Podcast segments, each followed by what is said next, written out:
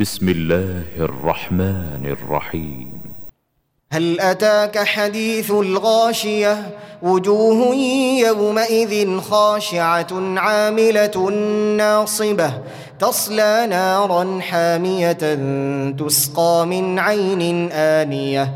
ليس لهم طعام إلا من ضريع لا يسمن ولا يغني من جوع. وجوه يومئذ لسعيها راضية في جنة عالية لا تسمع فيها لاغية فيها عين جارية فيها سرر مرفوعة وأكواب موضوعة ونمارق مصفوفة وزرابي مبثوثة.